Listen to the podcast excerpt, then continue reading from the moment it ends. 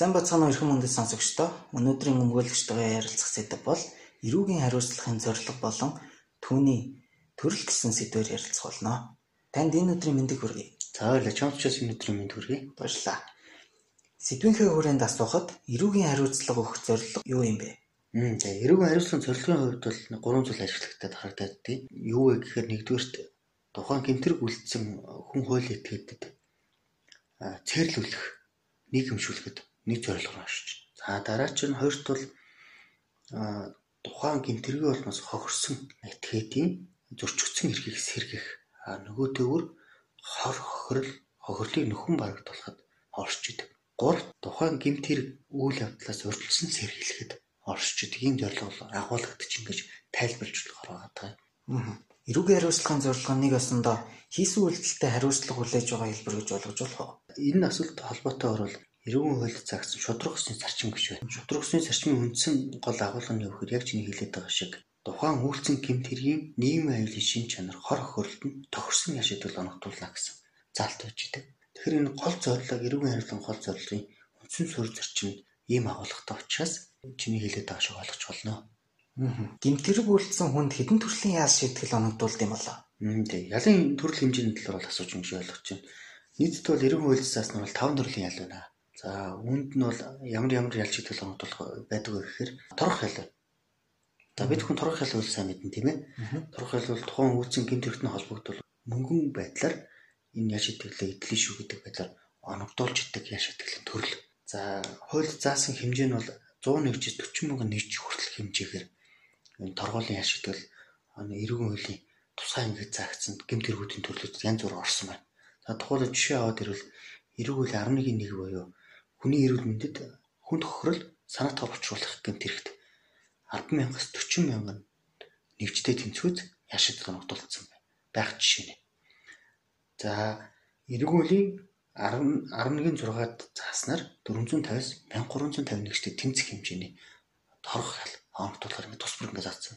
Тэгэхээр ялын нөгөө нэг тухайн үйлцэн гинтрийнх нь төрөл хэлбэрээс их хамаарат байна л. Хүн төрөл бол илүү өндөр торгуулийн торох ял байгааддаг. Хөнгөн хүн төдрийг гэмтэлтэй ч хүн төдрийг хохирол учруулах гэмтэргүүд бол бас баг торгох ял шийтгэл оногдуулахаар байгааддаг. За иргэд маань бас асуугаад байдаг. Торох ялын нэг нэгжинд одоо хэдэн төгрөгтэй тэнцэх хэрэгтэй юм бэ гэдэг зүйлийг асуугаад байдаг. Эрүүгийн хууль зааснаар бол нэг нэгж нь мянган төгрөгтэй тэнцэх үс байдлаар тусгасан байгаа. За энэ торох ялыг бас идэх хугацааг нь бас хууль дээр заасан байна. 3 жил хүртэлх хугацаагаар торох ялаа одоо эдлэхээр заасан байдаг. Үүнийг бол шүүх тогтоохоор тусгаалan заасан байдаг. За шүүхээс бол тухайн үйлцэн гэмтэрхтэй холбоотойгоор за торох ял оногдуулах юм. Энэ торох ялыг тухайн хүний хувийн байдлыг харгалзаад 3 сар дотор ч төлж болохоор хүн байна. Эсвэл 5 сар дотор ч төлж барах боломжтой хүн байна. Жилийн дотор төлж болохоор ч хүн байна. Тэ? Тэгээ хувийн байдлыг харгалзаж ингэж тогтоож шийдэж идэг. За хоёр дахь нөгөө ялын хувьд бол бид бүхний бас тайлбарлаад идэг хуучны ойлголтоор албатай ажил хийх гэдэгтэй дүүцгөөц нийтэд тустай ажил хийх яа шийтгэл байгаа. За энэ яа шийтгэл манд их өөрмөц ойлголттой. Тэрний юу гэхээр гэмтрэг үлдсэн хүний тухайн нийгмийн аюулын үлдсэн үйлдэлтэй холбоотойгоор нийгмийн аюулын шин чанар за мөн тухайн хүний хувийн байдалтай холбогдуулан нийтийн ашиг сонирхолд тустай ажлыг ямар ч үн хөсгөөр хийх юм яшигдэл байна. За хамгийн ойрын жишээ бол бид бүхэн сайн мэддэг тогшил үйлчлэгээний одоо газрууд байна тийм ээ. Хог ачдаг. Одоо удмодор явшин хогны хамшинтай яваад хог ачдаг.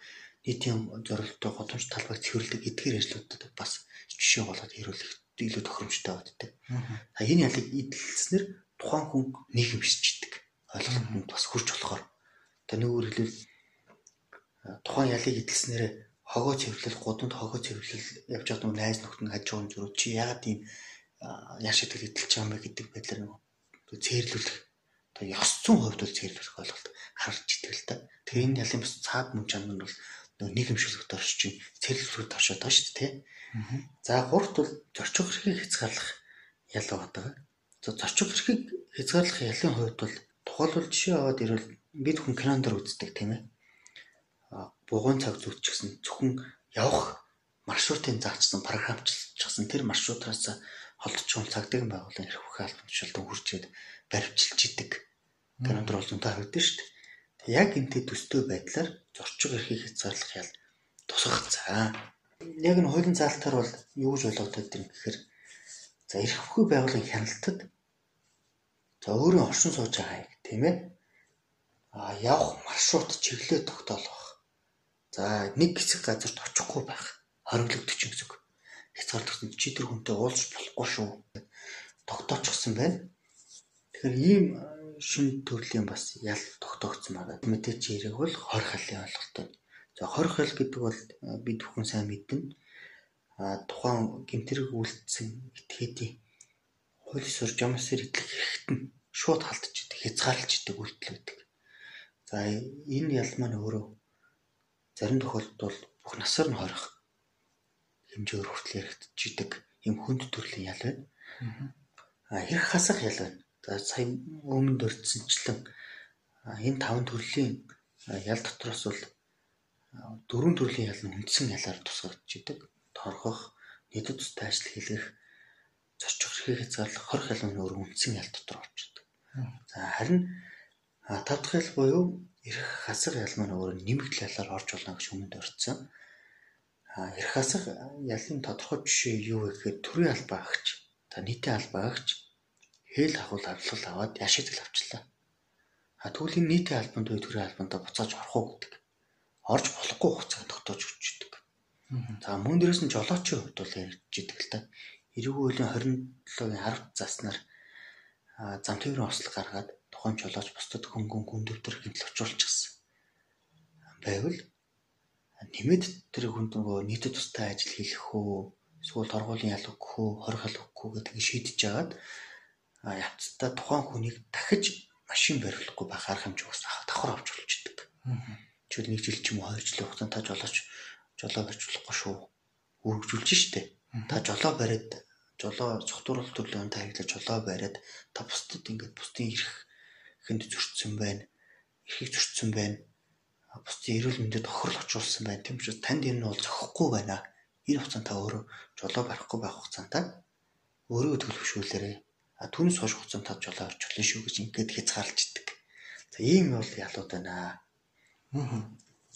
Таны хэлсэнчлэн торгох нийтэд тустай ажил хийх болон зорчих эрхийг хязгаарлах ялуудыг шүүхээс тогтоосон хугацаанд биелүүлэхгүй байгаа бол ямар хуулийн зохицуулттай байдаг юм бэ?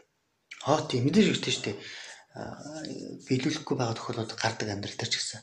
За тухайлбал яаж юм гэхээр нийт тустай ажил хийх ялаар шийдэгдсэн иргэн байлаа гэж үтэй тийм ээ. За 240 цагийн хугацаанд нийт тустай ажил хийлгэнэ гэдэг. Энэ нийт тустай ажил чинь бол өөрөө хууль зааснаар бол 8 хүртэлх цагаар бол ажилланаа нэг өдөртөө. Тэгэхээр 8 8 цаг нь өдрийн 8 цагаар ажилласан нэг хоногор тооцно гэж байгаа. 20 хол руу шилжүүлэх.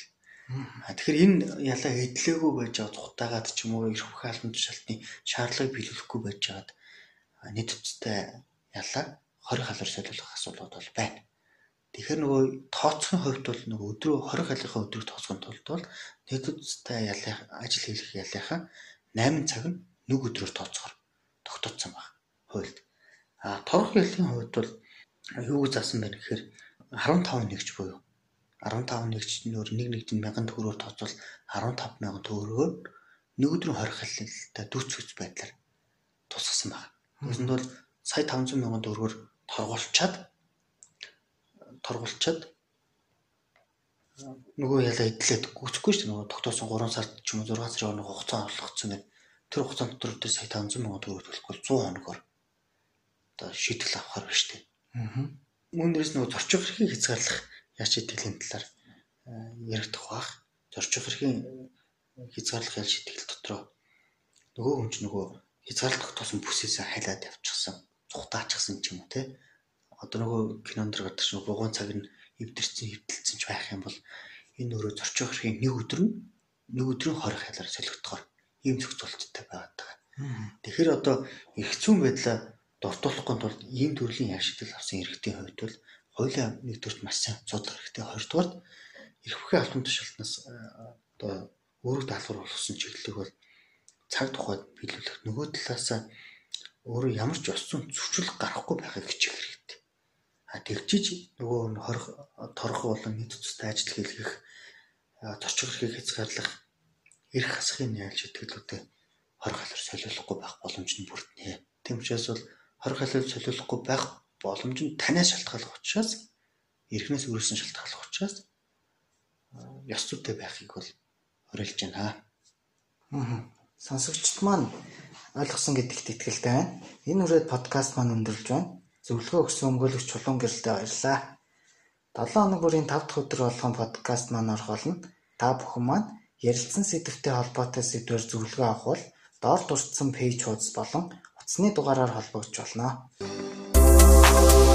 Música